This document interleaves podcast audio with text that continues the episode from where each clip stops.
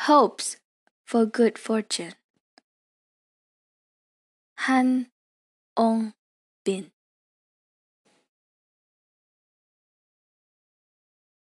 The narrator, a manager at a factory in the city, is sent on an urgent business trip to his wife's hometown. As the hapless narrator sets out on his journey, his wife pressures him to visit his in laws while he is there to take care of various family matters, including playing matchmaker to her younger sister.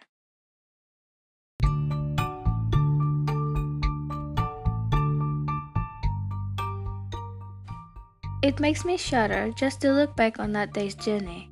I had been walking for about half an hour when the fickle mountainside weather suddenly brought on rain. Quickly, I stepped underneath an alder tree by the road which kept me dry for a while.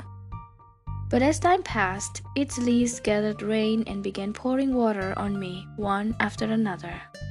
The tree practically turned into the Nine Dragon waterfall, and I was soaked, as if I had stepped out from under the eaves of a rainy day and got hit smack on the face by the water from the gutter.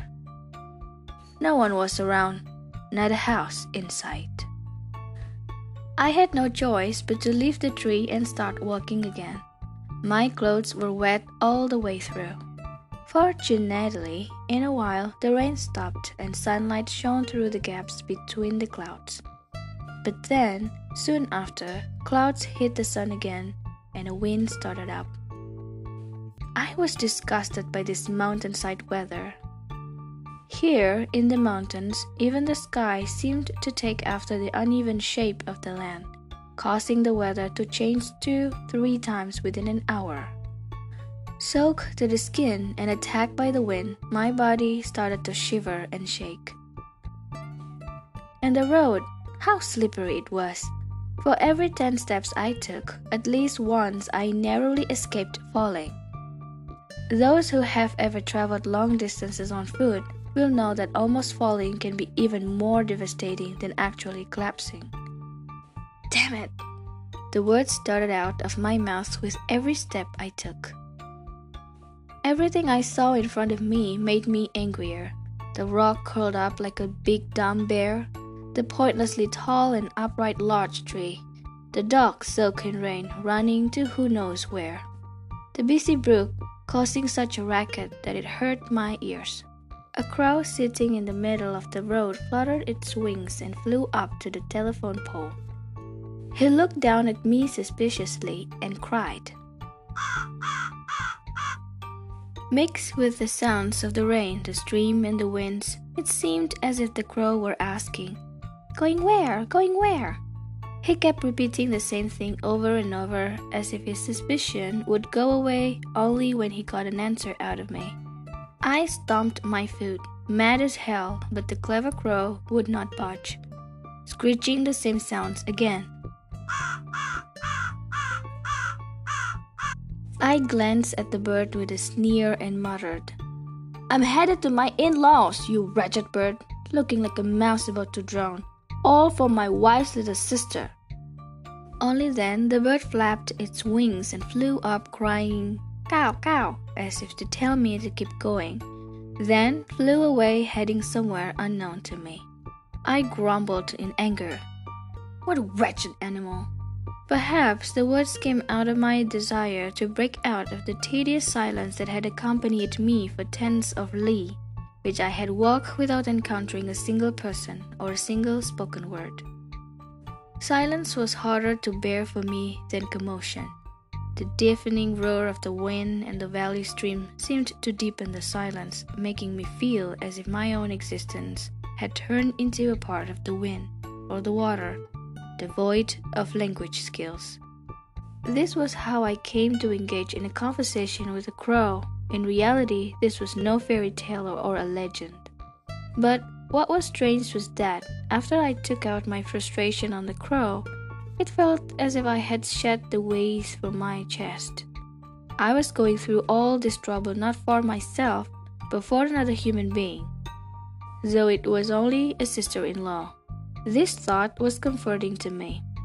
All sufferers in history, either renowned or unknown, must have sought the same comfort. Then I pictured my wife, who would click her tongue and heave her frail chest, aching for me when I returned home and told her about the misery I went through. Like any member of this class called husband, there was a part of me that longed for my wife's pity. I began to wish that the wind would keep blowing and the rain would keep pouring until I arrived at my in laws. My clothes were already soaking wet, and if this was the price I had to pay, I wanted them to see for themselves the trouble that I had put up with. When I reached the brook at the bottom of the village where my in laws lived, however, the wind had ceased and the sun had begun to warm the air. It was a pleasant evening with a soft breeze blowing, without a trace of the earlier nasty weather. Darn it! I looked down at my shoes and my pants covered with mud, feeling completely betrayed for no good reason. But whatever mood I was in, I had to clean up a bit before entering the house. I walked down to the brook, making my way through the thick willows. There was a red tractor parked in the middle of the stream. Between the tractor wheels, I saw two pairs of legs making dabbling sounds in the water. The two people were washing their hands and feet. I squatted down on the opposite side of the brook, slightly upstream from where the couple was. Now and then, as I cleaned my shoes, I glanced at the two pairs of legs moving between the wheels. The pants were rolled up on both pairs of legs. The first pair was dark and the other pair was thin but smooth and supple. The stream seemed to slow down when it reached those legs, as if taking extra care. I could sense a fresh and warm glow on the skin. These legs belonged to a young woman, most likely unmarried. My wife's sister would also be washing her legs right now after a day's work, just like this woman. I began to rub the mud off my fans. Upon my arrival at the in laws, there would be a rowdy welcome. The sister in law would hold on to my hands and stamp her feet like a little girl. What brings you here, so out of the blue? Such a nice surprise. I'm here because of you. Me? Oh my, what does that mean? Take a look at this, and you'll know what I mean. I'm sure you'll be pleased. I stopped my thoughts here and reached my hand inside my pocket. At that moment, a reflection of my frowning face appeared on the stream. The photograph in my pocket was crumbled up and wet with rain. The young man's charming face was wrinkled in a frown deeper than mine. He looked as if he had only one eye, and his nose formed a staircase, folding over onto the lips. What am I going to do? I could still hear the merry murmur of splashing water from the other side of the tractor, oblivious to my worries. Drops of water, colored scarlet by the sunset, fell on the rocks with a patter that sounded like laughter. Here, why don't you wash your face too? The voice sounded somewhat familiar. Could it be? I thought and listened closer. That's okay. For the driver, the real face is his tractor. I'm sure my mother in law would like this face better. Mother in law? Comrade, what do you mean you have a mother in law? The voice was similar to my sister in law's.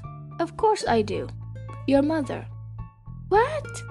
Hands like maple leaves cupped up water and splashed it over and over. What followed was the other voice, delighted as if the man had been showered by flower petals in the wind. Well, that feels nice and cool. I'm going to go. What do you mean? Where? Let go of my hand. Are you still going to go or not? I said, Let my hand go. People will see. Well, give me an answer. I won't go. I won't. There was a hearty laugh. Oh, comrade, you are impossible. Then the merry splashing of water again. I let out a sigh. My reflection on the stream was wearing a smile, something I hadn't noticed myself. Men of letters would call this love in full blossom. The only thing left for this young couple was to announce their love in legitimate union marriage. No, it can't be, I decided. My wife's sister would be waiting to hear from me and no one else. I was about to lift myself up quietly when I heard the man's voice. Comrade Young Uk. Young Uk. Young Uk was the sister in law's name. Dumbfounded, I stared blankly under the vehicle at the two pairs of legs standing side by side. Those soft, supple legs had taken strides on their own and found love. What is it? What will your sister and her husband do when they find out about us? I know they want to take you to live in the city. City? Where did you hear that? From you, wasn't it? Me? That time when we were transporting grain fertilizers. Oh, that. That was just something I said. And it makes sense, doesn't it? Wouldn't you want to live close to family, comrade? Well, that, yes. I wish my sister and her husband would move here to live close to everyone. Isn't it great here? Next time I see them, I'm going to bring it up. Wonderful. I'll fire my own cannons in support. Huh? I hadn't noticed that the photograph had slipped out of my hand and had floated away. My, what is this picture? I realized the situation only after I heard the sister in law's startled voice. Then I saw a small hand pick up the young man from the water. Hurriedly, I hid behind the willows. I had no other choice. My, what a funny face. He looks like a fool. I walked up to the road where I would be out of their sight and headed toward the village, trudging. My rain soaked clothes slapped my body, sticking heavily against it. My legs were weak and shaky, as if they were about to give any minute, and my whole body was shivering. My, what a funny face! He looks like a fool! To me, these words sounded like, My, what a fool my sister husband is! There was a cow on the side of the road, and when it saw me, it mooed so long and loud it scared me. Dogs bark from the houses by the road. Farm chickens scattered this way and that, clucking noisily.